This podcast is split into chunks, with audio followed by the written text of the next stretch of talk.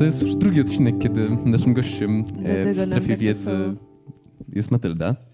E, także myślę, że przedstawienie już mamy gdzieś tam za sobą. Jeżeli ktoś chciałby się trochę więcej dowiedzieć e, o tym, co Matylda robi, to e, zapraszamy do poprzedniego odcinka podcastu. A tutaj tylko taka szybka reklama, jeżeli pozwolisz, e, że Matylda poza udzielaniem się u nas właśnie w strefie wiedzy podczas tych podcastów, a może inaczej, poza tym, co robi, czyli prowadzi Instagrama i bloga psycholka.com, to poza tym się udziela u nas, także też zapraszamy przy okazji do odwiedzenia. Bardzo dziękuję mediów. za zaproszenie, to było niezwykle miłe. I mam nadzieję, że nam się uda kolejna rozmowa. Też, też, też mam taką nadzieję, mam nadzieję zresztą, że to nie będzie ostatnia nasza rozmowa. Ale przechodząc do tematu, e, dzisiaj teraz porozmawiamy sobie o dyscyplinie w nauce i to jest coś, z czym ja osobiście miałem problem od zawsze. Głównie dlatego, że mi nauka zbyt łatwo przychodziła po prostu, póki to był ten etap szkolny. E, I niestety to bardzo rozbestwia i kiedy człowiek może sobie iść na spontanie, na żywioł do szkoły i dostawać dobre oceny, to traci wszelką motywację do tego, żeby systematycznie się uczyć. I to jest problem. E, no i ja z tym problemem sobie próbowałem przez lata e, poradzić. Poradziłem sobie z nim w momencie, kiedy po prostu zacząłem na tyle dużo robić, że gdybym nie usystematyzował swoich działań, e, to po prostu bym nie dał rady ale wydaje mi się, że są lepsze e, metody, a być może te same metody zastosowane po prostu na odpowiednim etapie, a nie dopiero wtedy, kiedy jest za późno, też dadzą lepsze rezultaty. Natomiast bardzo chciałbym tutaj, e, żebyś się podzieliła swoimi przemyśleniami, swoją trochę bardziej fachową też wiedzą mm, w tej kwestii, no bo ja tutaj mogę odnosić się głównie do doświadczeń swoich, swoich kursantów, natomiast ty trochę więcej o tym wiesz tak od strony e, technicznej, naukowej. Także o tym dzisiaj chciałbym e, porozmawiać. No i tutaj to się rodzi to pierwsze pytanie. Poza takimi właśnie przykładami jak ja, dlaczego jeszcze ludzie się nie potrafią systematycznie uczyć? To jest bardzo trudne pytanie i jakby nie da się zacząć rozmowy od podkreślenia tego, jak dyscyplina jest trudna i jak bardzo jest ważna, żeby osiągnąć sukces w szkole nie zrobimy nic bez regularnej pracy. Wybrzmiało to też e, w naszej pierwszej rozmowie z Piotrem. Jakby wszystko opiera się na tym, że pracujemy systematycznie i pr pracujemy nad tym, żeby rozkładać materiał na małe cząstki, żeby potem nie było takiego problemu, z jakim się większość z nas spotyka, z jakimi ty się spotykałeś i ja, że przed sesją albo przed kolokwium po prostu mamy taki nadmiar materiału, że absolutnie nie możemy sobie z nim poradzić i, i, i to powoduje szereg konsekwencji. E, zawód sobą, poczucie takiego zawodu i, i brak chęci do nauki i, i tak dalej, i tak dalej. Także ja nauczyłam się e, dyscypliny dzięki tabelkom które promowałam e, swego czasu bardzo na swoim blogu i na Instagramie i namawiałam swoje obserwatorki do tego, żeby cały materiał z zajęć z konkretnego przedmiotu umieszczały w tabeli. I tabela składała się z kilku kolumn i e, w wersach były zapisane tematy z zajęć. Tam mamy 15 tygodni w Polsce, trwa semestr, więc 15 tematów do każdego była data, e, w każdy, do każdego tematu było miejsce na dopisek, czy byłam na wykładzie, czy mnie nie, nie, nie było, dlatego że o tym się bardzo często zapomina pod koniec semestru i potem jest takie poszukiwanie notatek. E, notatek, które nie istnieją. No albo pożyczanie właśnie. Tak, pożyczanie, no to też e, nie wiem, czy u ciebie też tak było, ale u mnie to w ogóle kwitł handel notatkami. Ale za pieniądze? Znaczy była handel? inna waluta, bardziej płynna powiedziałbym Aha. za notatki. Wiemy, to, wiemy. No właśnie, ten handel tak bardzo kwitł u mnie na uczelni. Mhm. E, natomiast e, no, rozbił kiedyś jeden człowiek bank, e, po prostu zrobił kompendium notatek z każdego roku, rzeczywiście przez 5 lat regularnie notował. I no myślę, że gdyby chciał e, utworzyć jakieś imperium spirytusowe, to naprawdę rozbiłby ten bank, okay. bo rzeczywiście zebrał za to no, bardzo duże ilości naszej obiegowej waluty. Mhm. Natomiast no, to był właśnie człowiek, który nie jestem przekonany, czy korzystał akurat z dokładnie tego systemu, o którym mówisz. E, natomiast rzeczywiście miał końskie zdrowie do chodzenia na wykłady. Mhm. E, rzeczywiście był po prostu na wszystkich i rzeczywiście na każdych praktycznie słowo w słowo notował, mhm. ale o ile notowanie słowo w słowo moim zdaniem i chyba niczyim zdaniem nie jest najlepszym pomysłem, bo no to tak naprawdę potem trzeba i tak przebrnąć przez to wszystko jeszcze Dokładnie. raz. Natomiast on miał też duży talent do tego, żeby te informacje potem syntezować i mhm. e, przerobił całe te właśnie notatki na krótkie, łatwe do zapamiętania podpunkty i to było, e, to było coś, na czym on absolutnie zbił potem swój dalszy, dalszy kapitał.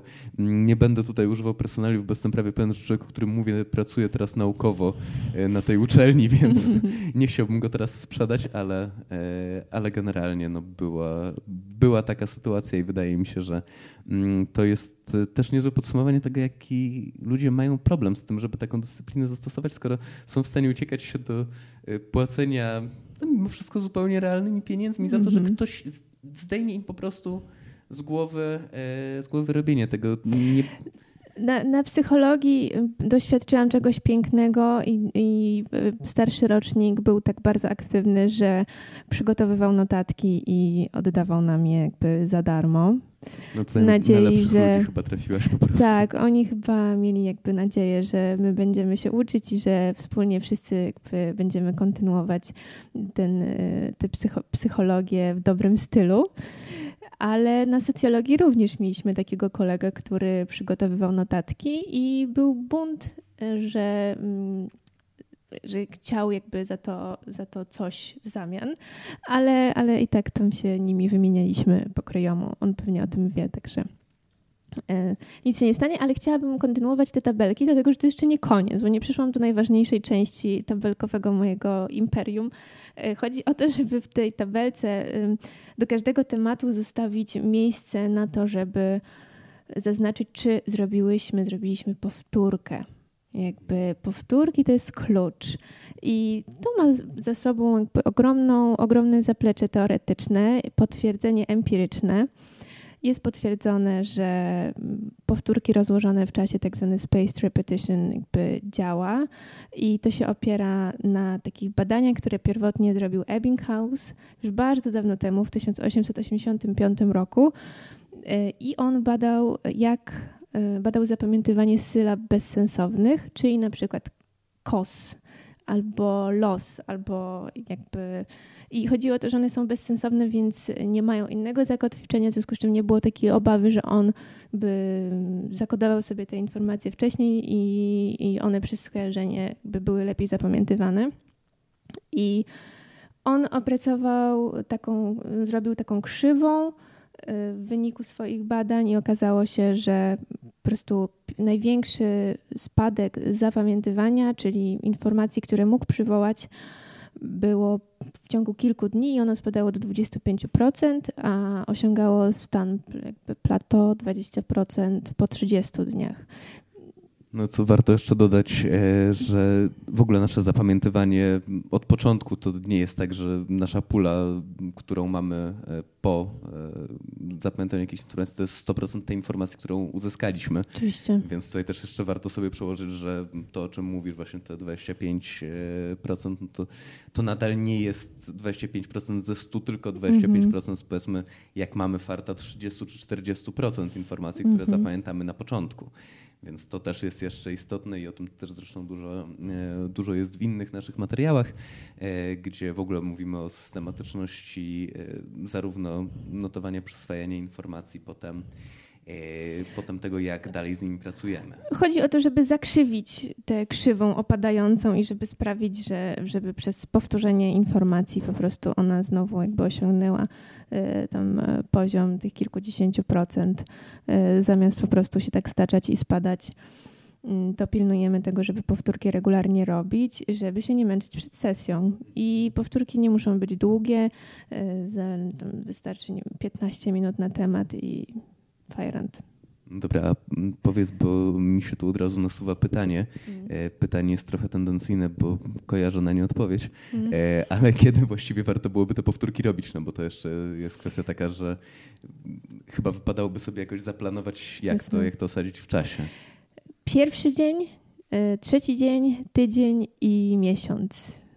Tutaj mamy te punkty, tak. kiedy to nasze zapamiętywanie właśnie opada. sobie opada i, mm. i wtedy warto to wyrównać do tego, żeby, żeby utrzymać tę linię mniej więcej prostą mhm. na tyle, na ile to możliwe. Natomiast e, to znowu e, ja tutaj e, przejdę do dzielenia się mm, jakimiś swoimi historyjkami bardziej, bardziej osobistymi, no bo tak jak mówię, tutaj mnie od strony naukowej mogę powiedzieć, na pewno mnie od ciebie. Także, także z historyjek osobistych to nie wiem, podejrzewam, że to wiele osób ma, ma takie bezsensowne informacje, które pamięta, tylko dlatego, że była na nie faza. Że coś się powtarzało, chyba najsłynniejszym, najsłynniejszym wyrazem, e, na przykład z języka angielskiego, który znają wszyscy, a nikt nie użył w praktyce, albo bardzo mało osób użyło w praktyce, to jest sophisticated. E, I przez to, że właśnie zawsze była faza na używanie słowa sophisticated tylko po to, żeby odświeżyć sobie fazę na jego używanie, no to, mhm. to każdy to chyba zapamiętał, po to właśnie się gdzieś tam przewijało mhm. wielokrotnie. I to są takie, no, taka wiedza bezużyteczna w większości przypadków, ale ale to się właśnie dlatego zapamiętuje, że to się co jakiś czas powtarza i ja zajęć z angielskiego nie miałem od lat siedmiu chyba, czy coś takiego. Wprawdzie angielskiego używam na co dzień w pracy, ale no, nie używam tego konkretnego wyrazu, ale i tak pamiętam go właśnie dzięki temu. Mhm. E, wiesz co, bo wydaje mi się, że, że dyscyplina to jest taka rzecz, E, która mm, jest, wynika tylko i wyłącznie z mojego osobistego doświadczenia. W sensie nie, ma, nie mam żadnych badań przygotowanych przynajmniej, żeby, e, żeby dzielić się czymś więcej, jakimś naukowym podejściem. E, oprócz tego, że jest jasne, że dyscyplina po prostu działa na naszą korzyść i, i tylko tyle, ale mam mnóstwo historii o tym, jak bardzo niezdyscyplinowana byłam i jak bardzo odkładałam naukę w czasie, i jak bardzo cierpiałam przez to. I tym się chętnie dzielę, dlatego że to daje nadzieję osobom, które są bardzo, bardzo głęboko zakopane y, w materiałach do nauki, do tego, że się da zrobić, mm, że się da, że się da po prostu ten materiał przerobić i dzięki jakiemuś ustrukturyzowaniu materiału, ustrukturyzowaniu swojego czasu da się po prostu przez to przejść. Znaczy w ogóle wydaje mi się, że tutaj e, takie dzielenie się, czy to właśnie w formie tej naszej rozmowy teraz, czy w formie artykułów, które piszemy, czy E, czy generalnie przekazywanie sobie tych sposobów e, ma też dużą wartość o tyle, że po prostu są to nowe rzeczy, których warto spróbować. Ja na przykład przyznaję, że dopóki właśnie na potrzeby strefy wiedzy nie przeczytałem twojego artykułu dotyczącego bullet journala, to ja po prostu nie wiedziałem, że taka metoda istnieje i to na przykład dla mnie była absolutna nowość, mimo tego, że od ładnych paru lat staram się organizować sobie pracę. I wydawało mi się, że sporo na ten temat już przeczytałem, a na przykład na to, na to nigdy nie trafiłem, więc ja też absolutnie uważam, że właśnie dzielenie się tymi swoimi osobistymi historiami i właśnie tym świadectwem tego, że po prostu jakieś metody działają, to, to zawsze łatwiej jest, kiedy ktoś już nam o tym powie, spróbować na zasadzie, ej, może warto, niż e, gdzieś tam sobie znaleźć i wśród miliona metod, które są Dokładnie. opisywane mhm. E, przebijać się przez to samemu. Ale Bo nie to... wiem, czy zauważyłeś, przepraszam, że ci przerwę, ale, ale jakby nie ma takiego, mm, nie dzielimy się ze sobą na studiach jakby doświadczeniami z procesu nauki.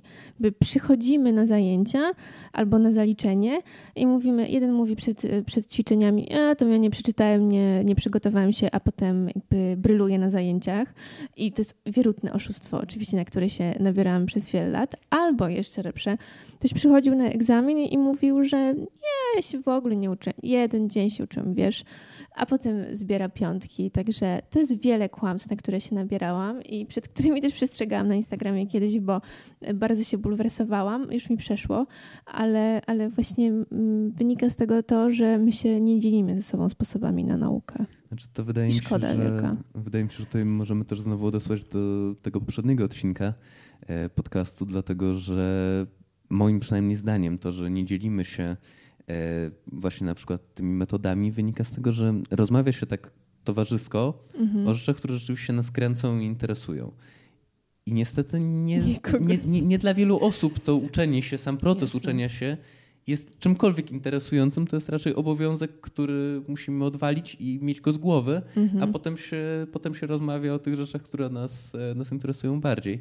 E, natomiast moim zdaniem, no to tutaj właśnie to, o czym rozmawialiście z Piotrkiem, e, to czerpanie radości z nauki jest trochę trochę odpowiedzią na ten, e, na ten problem, ale no tak też uważam, że też uważam, że warto się, e, warto się właśnie tymi metodami dzielić. Także no ja już... Albo podpytywać zdolniejszych. Ja uwielbiałam obserwować, jak zdolni ludzie się uczą i uwielbiałam obserwować te pasje, które w sobie mają. To jest coś niesamowitego. Po prostu z przyjemnością się takich ludzi słucha i obserwuje i przebywa w ich towarzystwie. Ogóle zarażanie pasją to jest no. bardzo, bardzo fajna sprawa.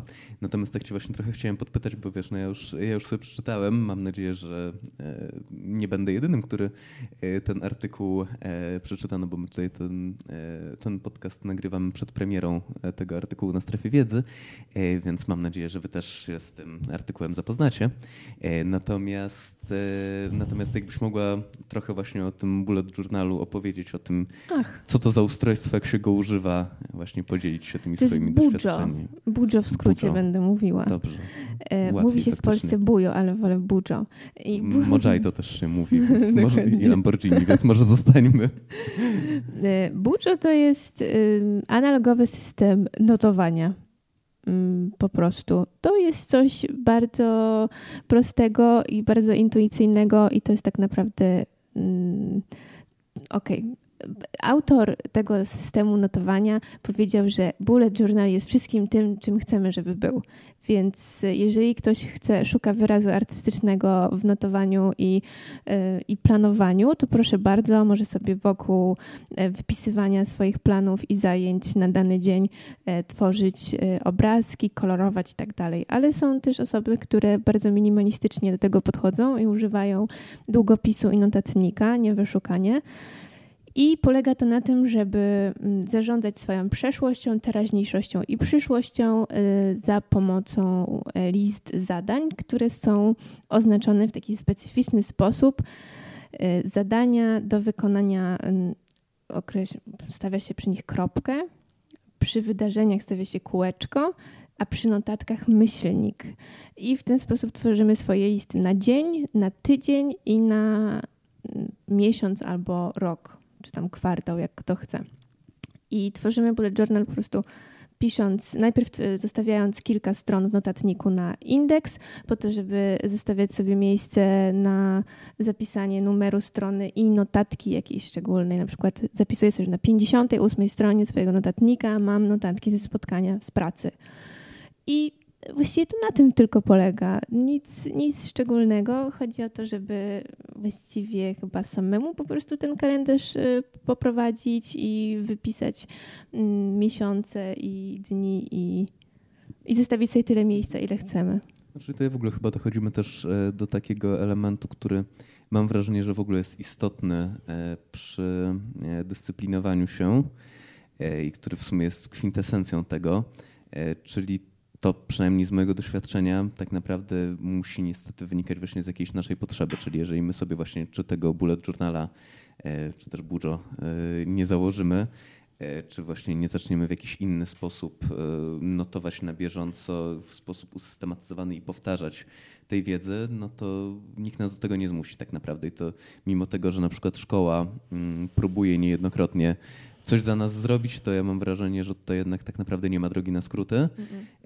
I póki właśnie nie znajdziemy się w tej sytuacji na różnym etapie naszego życia, kiedy dojdziemy do wniosku, że dobra, czas się ogarnąć i czas, e, czas zacząć e, trochę bardziej w uporządkowany sposób pracować, no to, e, to nic na to wielkiego nie poradzimy. Także to, że my tutaj rozmawiamy, ma raczej być inspiracją do tego, żeby nie popełniać naszych błędów, bo tutaj chyba oboje akurat możemy powiedzieć, że popełniliśmy ten błąd, że dopiero wtedy, kiedy mieliśmy nóż na gardle, to, mhm. to się za to zabraliśmy. Mhm. A dobrze byłoby tego nie robić, no bo, no bo po co tak naprawdę, po co sobie utrudniać życie i po co narażać się na niezbyt przyjemne związane z tym sytuacje, skoro można wcześniej. Dla studentów myślę, że te tabelki są fantastyczne, dlatego że one porządkują każdy przedmiot. mniej albo bardziej ulubiony. Wpisujemy sobie, wpisując tematy do każdego przedmiotu, spisując sobie z sylabusa, to mamy też taki ogląd na to, czego się nauczymy, jak prowadzący, prowadzący ustrukturyzował wykład, ćwiczenia. To jest coś, czego my nie robimy, nie zaglądamy do sylabusów, nie zastanawiamy się, o czym będą te zajęcia, nawet e, logując się na nie. Także to jest bardzo dobry sposób, żeby spojrzeć z góry na przedmiot i też, żeby zapisywać, czy te powtórki się odbyły bo tu wracając do dyscypliny znowu, nie ma sukcesu bez dyscypliny w szkole. Jest tyle materiału, że nie da się tego inaczej jakby skonsumować niż w kawałkach według mnie. A nawet jak nam się uda zdać egzamin na jakąś satysfakcjonującą mm, ocenę, to nie zmienia faktu, że po prostu nic nie wiemy i nic nie pamiętamy. No i po co chodzić na studia, jak nic, nie, nic jakby nie zostaje w głowie. No, też mi się wydaje, że chodzenie na studia dla chodzenia na studia jest bez sensu, co zresztą jest trochę historią mojego życia. E, znaczy, ja po prostu w pewnym momencie stwierdziłem, że to nie ma sensu.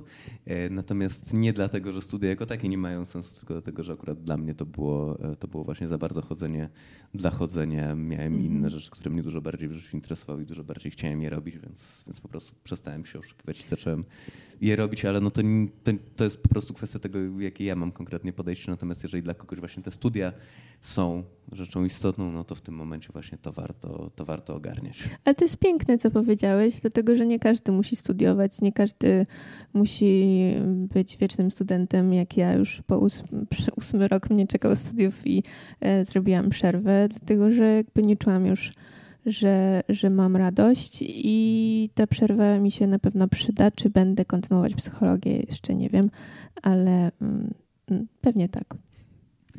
No dobrze, to teraz e, tak zerkając e, szybko do naszych notatek, mhm. e, przechodzimy do takiego trochę, trochę tematu rzeki, czyli do systemów i narzędzi do notowania. I tutaj pewnie pewnie poza e, już wymienionym Budżo mamy całkiem sporo innych mm, swoich, e, swoich jakichś tam wypróbowanych e, systemów i o tym bym chciał chwilę. Ale Paweł, Budżo jest do planowania jakby, taki, to jest taki organizer.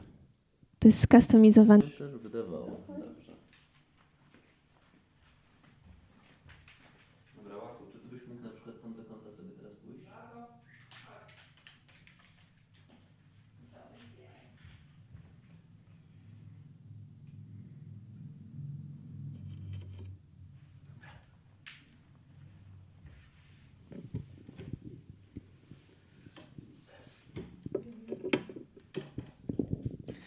No dobrze, także powiedzieliśmy e, o tym, jak sobie zarządzać e, trochę tym czasem i jak się dyscyplinować.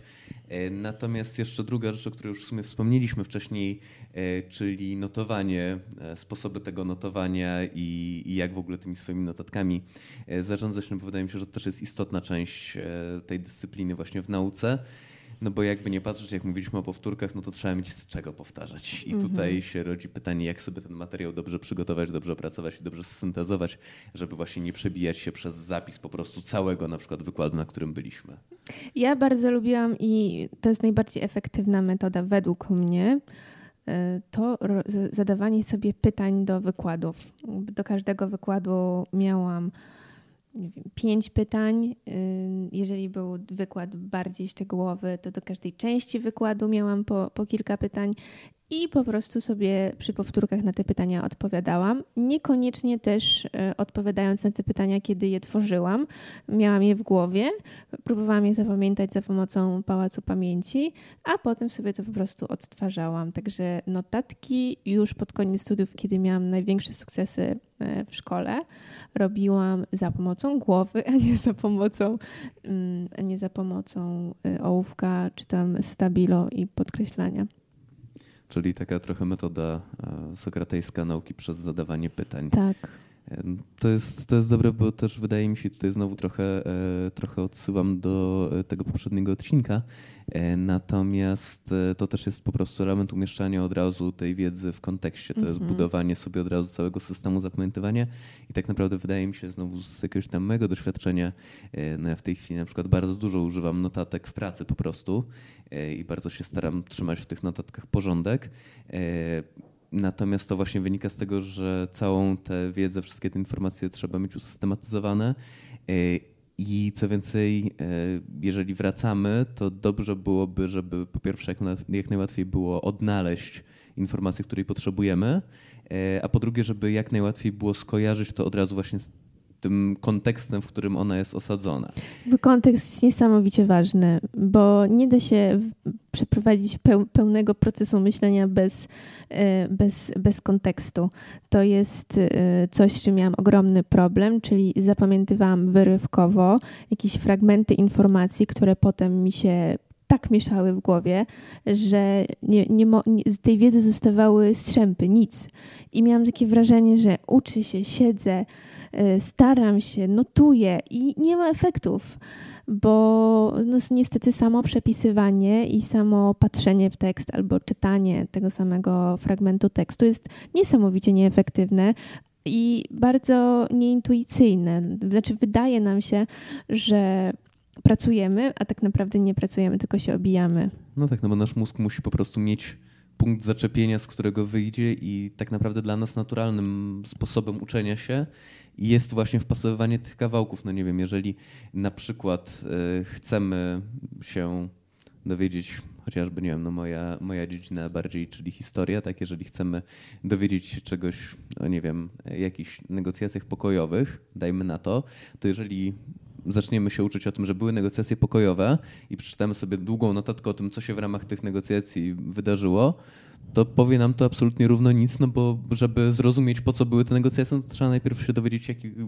po jakim konflikcie one nastąpiły, jakie były przyczyny tego konfliktu i to wtedy dopiero nabiera jakiegokolwiek sensu. Mhm. I, to jest, I to jest dopiero jakiś taki naturalny dla naszego mózgu sposób e, przyswajania tych informacji. Wtedy nie tylko poznajemy ten konkretny wycinek wiedzy, o który nam chodzi, no ale też od razu utrwalamy sobie całość, bo jeżeli przy okazji e, dowiadywania się tej nowej rzeczy przypominamy sobie wiedzę, którą już znamy, no to tutaj znowu e, odnosząc się do powtórek, też ją sobie automatycznie utrwalamy i to wydaje mi się, że jest bardzo istotne. Natomiast mam też wrażenie, mm, że bardzo ważne jest właśnie to trzymanie porządku w notatkach. To jest coś, co było kiedyś moim Ale ty to robisz analogicznie, je masz uporządkowane, czy w, w chmurze gdzieś na znaczy, komputerze? Ja, ja akurat no, ja jestem człowiekiem bardzo, e, bardzo elektronicznym i ja w tej chwili mam właściwie wszystko E, no właśnie w chmurze, tak, no, żeby mi się to synchronizowało bez problemu. Bardzo lubię te opcje wyszukiwania słów kluczowych w tak. komputerze. To jest po prostu niezastąpione. Tak, to jest, to jest dobre i co więcej, no ja na przykład uwielbiam to,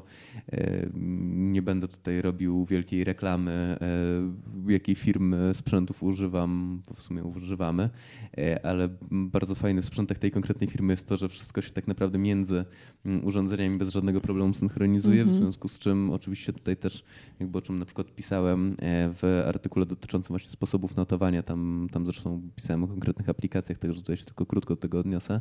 E, natomiast e, no to jest też fajne, że w tej chwili tak naprawdę większość aplikacji, niezależnie od tego na jakim urządzeniu mamy je zainstalowane, to też już umie sobie synchronizować bez mhm. problemu te informacje i to jest moim zdaniem bardzo istotne, no bo ja na przykład się przerzucam między telefonem, tabletem mm -hmm. i komputerem i jakby sporo czasu z każdym z tych urządzeń spędzam w pracy. Więc dla mnie to jest bardzo ważne, żeby te notatki były dostępne z każdego z nich. To jest coś, co technologia nam dobrego przyniosła po prostu. Ale, ale wracając jeszcze do notowania, to wszystko zależy od typu przedmiotu. Dlatego, że były przedmioty, na przykład biologiczne mechanizmy zachowania, których uczyłam się za pomocą fiszek. Było tam tak dużo szczegółowych informacji, że tylko jakieś poszczególne tematy, na przykład, nie wiem, budowa oka, opracowywałam sobie w pałacu, a resztę robiłam przez y, Anki, taką, taką aplikację, albo to jest, jest też aplikacja, tylko chyba y, jest płatna. Na Androidzie nie jest płatna, tylko na, na App Store jest płatna. Jest płatna no ale to, tak. to I to jakieś ogromne pieniądze. I, I jeszcze jest Quizlet, który bardzo polecam. I, i tam, tam, tam właśnie w ten sposób się przygotowywałam do niektórych przedmiotów. Znaczy no ja tutaj akurat e, używam prostych, by nie powiedzieć prostackich e, metod i zawsze w sumie u mnie tak było, bo ten mój bałagan uporządkowałem sobie gdzieś tam w liceum w momencie, kiedy zacząłem po prostu e, nosić jeden zeszyt do wszystkiego i wszystko tam miałem i wtedy przestałem gubić rzeczy, Mhm. bo jak wcześniej notowałem po różnych zeszytach, na jakichś różnych kartkach, które potem wrzucałem, nie pamiętałem gdzie to mam, no to, to była masakra. Natomiast w momencie, kiedy już miałem jeden zeszyt i po prostu jak jeden zeszyt mi się kończył, to zakładałem drugi, no to w tym momencie tak naprawdę po datach mogłem sobie odnaleźć każdą informację niezależnie od przedmiotu i, i to było dosyć wygodne. No, tak jak mówię, teraz od paru lat jestem już bardzo, bardzo cyfrowy. No teraz tak naprawdę dwie moje podstawowe, mm, te dwa moje podstawowe narzędzia notowania to jest OneNote e, i notatki Mhm, próbowałam e, OneNote. systemowe. Czy Ja korzystałam z Notability, bo nie wiem, tak mi Pró- pró- przypasowało. próbowałem, aczkolwiek akurat Tak? do, mnie, do mnie to nie przemówiło, wydaje mi się, bo A ja- mi się, opcja pisania długopisem tutaj jest, dla, Mm. była dla mnie jakby kluczowa. No to, to dla mnie akurat w OneNote dokładnie. No. dokładnie Tak? Można samo pisać w Tak, OneNote? OneNote można działać. proszę. Najbardziej. To muszę spróbować. Polecam.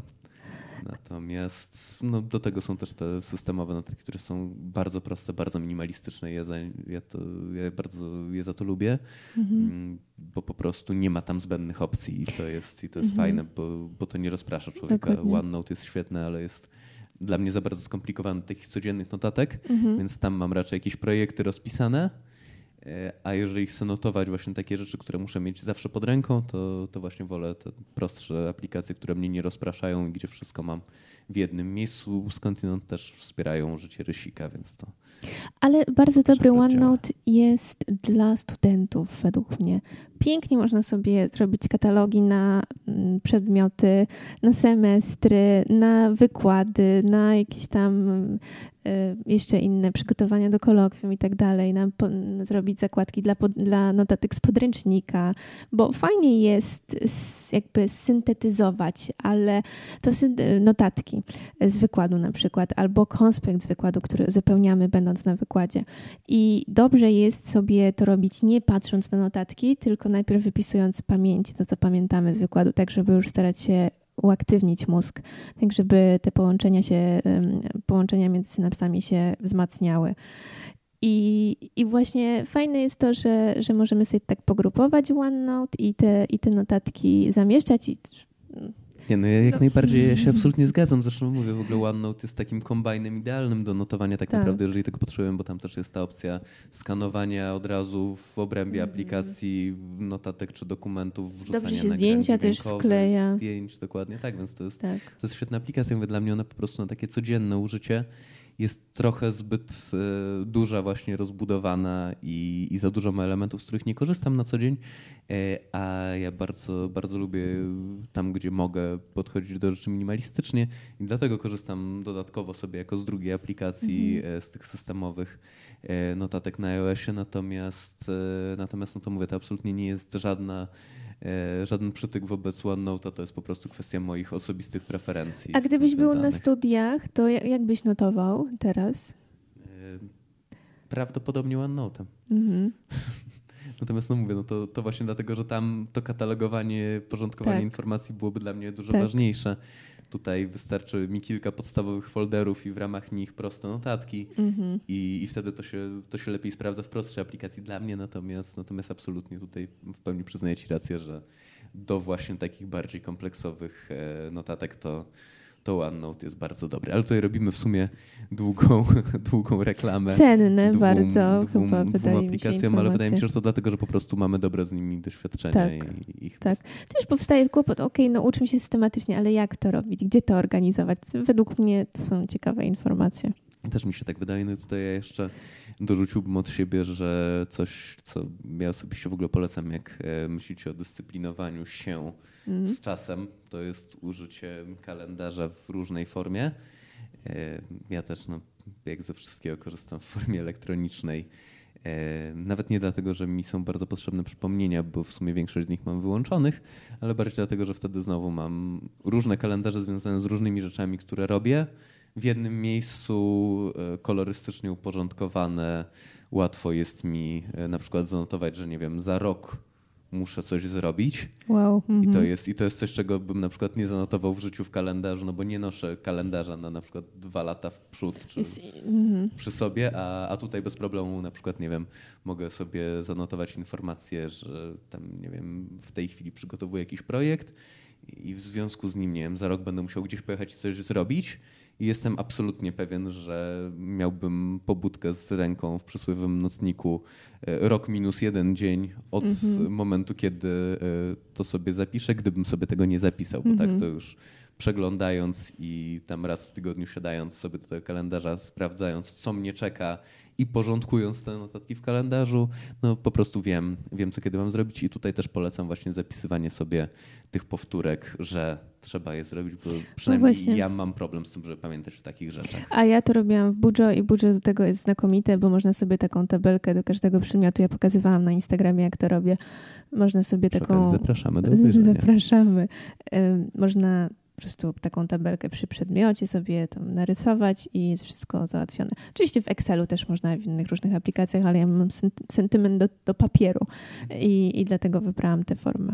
No tutaj jak już wielokrotnie w sumie podkreślaliśmy w różnych miejscach, no po prostu co kto lubi. Tak? No, tak. Nie próbujemy sprzedawać metod, tak. które są uniwersalne i dla każdego, bo takie metody nie istnieją tylko raczej mówimy o różnych rzeczach właśnie, żeby każdy mógł sobie wybrać to, co jemu pasuje. Mm-hmm. Natomiast tak nie bez przyczyny nawiązałem do tego mm, notowania w kalendarzu, bo jak się właśnie nie zanotuje czegoś, co jest za uhuhu, ile jeszcze czasu, a potem się okazuje, że to wcale nie jest tyle czasu, ile nam się wydawało. Ja tego niestety coraz częściej doświadczam, że jak sobie przypomnę, co robiłem rok temu, to mam wrażenie, że to było chwilę temu, a to, co teraz zapiszę sobie, że za rok jest do zrobienia, to jest do zrobienia za chwilę tak naprawdę. Mm -hmm. I w związku z tym, jak się gdzieś tam właśnie wyślizgnie nam zrobienie na przykład jakiegoś takiego wpisu do kalendarza, e, czy właśnie to uporządkowanie, mm, to w tym momencie możemy dojść do sytuacji e, kryzysowych i takich właśnie kryzysów taktycznych, gdzie no, ten brak właśnie jakiejś dyscypliny w planowaniu sobie czy to nauki, czy pracy, doprowadzi do tego, że właśnie budzimy się z tą ręką w nocniku przysłowiowym. I teraz pytanie, mm, co z tym zrobić, kiedy już nam się tak stanie? Bo o tym, jak do tego nie dopuścić, no to już trochę powiedzieliśmy, ale co jak jednak się nie uda? Nie mam pojęcia. To jest bardzo, bardzo osobista sprawa. Niektórym, nie, niektórzy nic sobie z tego nie zrobią. Ja wiem, że każda porażka dużo emocji mnie kosztowała i bardzo motywowało mnie to, żeby tych porażek nie odnosić i żeby po prostu wdrażać te dyscypliny, żeby sobie ulżyć. I, i to mnie motywowało. Jeżeli się nie udało, no to trudno, próbowałam dalej. Nie, nie, ma, nie ma innej możliwości. Mamy tyle okazji do sprawdzenia się na studiach, że naprawdę jedna czy dwie rzeczy, czy przedmiot, czy jeden przedmiot, czy dwa, y, nie robią tak naprawdę różnicy. W ogóle z perspektywy studia są niczym. I ważne jest, żeby, nie wiem, przytemperować sobie charakter dzięki studiom, a nie, a nie żeby nie odnosić porażek, tylko po prostu, żeby wypracować te metody, żeby nie wyjść y, ze studiów z takim poczuciem, że zrobiliśmy nic. Właśnie wydaje mi się, że to, o czym mówisz, jest bardzo ważne i przynajmniej dla mnie długo to było nieintuicyjne. Ja mam dwa tryby. Jeden tryb to jest tryb, w którym mam wszystko gdzieś i jestem w stanie po prostu leżeć i nie robić nic. E, I to jest jakiś taki mój dość naturalny tryb, z którym od wielu, wielu lat walczę. Mhm. E, natomiast ja niestety tak mam, że jak się położę, to mogę leżeć. E, ciężko jest mi w tym przeszkodzić. Natomiast drugi tryb jest taki, kiedy wchodzę z kolei w pewien perfekcjonizm i pracoholizm. Och, pięknie, gdzie, że powiedziałeś o perfekcjonizmie. No właśnie, gdzie, gdzie właśnie chcę zrobić wszystko jak najlepiej. Wszystko musi być dopracowane, doszlifowane. I w związku z tym trybem przez lata też właśnie się bardzo biczowałem, jak coś mi nie wychodziło. Nie powiem, że mam to całkowicie za sobą, bo nie mam, bo, no bo to nie z jest. Z tego coś... się nie da wyjść, ja też nie wyszłam z perfekcjonizmu. Znaczy, ja, nie wiem, czy to z tego się nie Dlatego tak ale... cierpię przez te skarpetki dzisiaj. No, ale przy, to już przy okazji, kwestii. Tak, to tutaj przy okazji jest mała, mała tajemnica produkcji. E, natomiast, e, natomiast e, jeżeli chodzi e, o ten perfekcjonizm i radzenie sobie z nimi właśnie z tymi kryzysami, e, to mm, ja znowu, to już jest chyba drugi raz, e, jak robię reklamę kompletnie bezpłatną panu Matowi Diaveli. To jest bardzo, bardzo fajny youtuber. On też robi podcasty, które bardzo, bardzo osobiście polecam. A nie znam. Ale, a, a myślałam, że znam wszystkich. Widzisz, to polecam. Natomiast, e, natomiast on bardzo fajnie właśnie mówi o tym e, i to, to jest coś, co niby jest oczywiste, tylko właśnie to jest coś, co trzeba sobie za każdym razem przypominać. że to nie jest tak, że da się w życiu uniknąć popełnienia błędów i porażek. To nie jest tak, że zmiana nawyku jest czymś prostym. To nie jest tak, że właśnie wprowadzenie jakiejś dyscypliny w swoim życiu jest rzeczą prostą.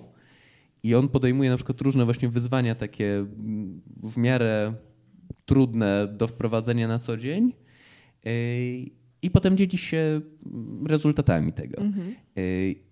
I właśnie bardzo często on w tych materiałach otwarcie mówi o tym, że nie wiem, na przykład piątego dnia wyzwania, gdzie właśnie próbował codziennie brać zimny prysznic, tak, co na przykład mi też się nigdy nie udało, e, przestawienie, mimo że wiem, że wszystkie badania mówią, że to zdrowe, korzystne, próbowałem, nie udało mi się, nadal lubię ciepłe prysznice, no nic na to nie poradzę.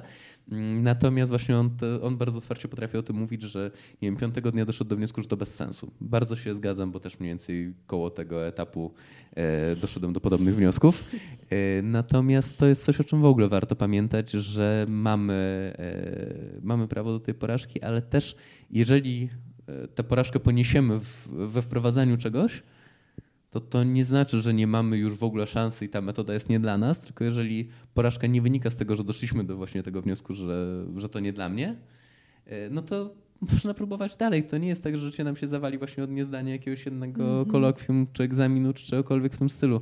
Mm, dobra albo zła wiadomość jest taka, że po skończeniu studiów nikt nas o ten egzamin tak nigdy nie zapyta. Mm -hmm. Po prostu.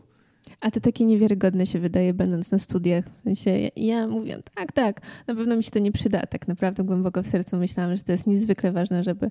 Ale to, wy, to wynikało z perfekcjonizmu. To jest choroba. We, znaczy ja to traktowałam jako chorobę.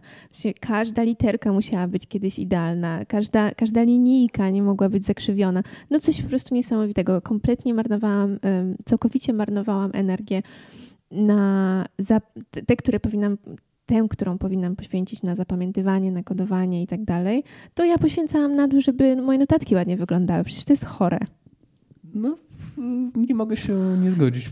Tak szczerze powiedziawszy, ale to też dlatego, że sam ale, mam za dużo doświadczeń z tym ale związanych, mówię, żeby, żeby Mówię o tym dlatego, że widzę, że na Instagramie jakby ta moda panuje na, na ładne notatki. Ja rozumiem jako hobby. Można sobie uprawiać takie, tak, tak, mieć taką pasję, pisać ładnie i, i ozdabiać notatki, natomiast nie jest to absolutnie produktywne. Nie zapamiętujemy lepiej przez podkreślanie, y, przez stosowanie mm, stabilo i tak dalej, i tak dalej. Znaczy w ogóle wydaje mi się, że ta pewna moda na perfekcjonizm, no to, że musimy być doskonali w tym, tak. co robimy i jacy jesteśmy, to jest jedna z największych plag naszych czasów, ale to jest temat zresztą nie tylko naszych czasów, bo tu znowu tak ze swojego podwórka historycznego mogę powiedzieć, że to absolutnie nie jest nowość.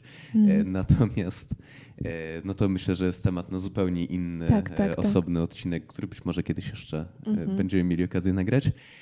Natomiast no jeżeli chodzi właśnie o to przełożenie na, na pewną dyscyplinę, to wydaje mi się, że najważniejsze pod tym względem zapamiętania i do takiego po prostu uczciwego powiedzenia samemu sobie jest to, że to nie jest tak, że możemy być idealni, to nie jest tak, że nawet powinniśmy jakoś szczególnie próbować, starać się przede wszystkim e, biczować się i tłuc po głowie, jeżeli nam się to nie udaje, bo jest to normalne, naturalne i trzeba, i trzeba próbować dalej i to, że coś nam się w tym momencie wydaje największą porażką życia, że właśnie nie udało nam się poprowadzić przez semestr notatek z jakiegoś przedmiotu, to jest tylko doświadczenie, z którego możemy się uczyć, a nie jakakolwiek rzeczywista tragedia, czy w ogóle jakikolwiek problem rzeczywisty, bo, tak. bo nie jest. I nie porównujmy się tak jak już mamy takie złote rady, to proszę się nie porównywać do e, kolegów i koleżanek. Robiłam to przez wiele lat, tylko mi zaszkodziło e, i, i tak.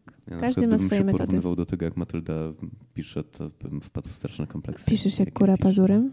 Może nie aż tak, ale mm. E, mam swój osobisty kod, który jestem w stanie ćwiczeń. rozszyfrować, ale niekoniecznie wszyscy inni Już też. ty się uczyłeś, a ja notowałam.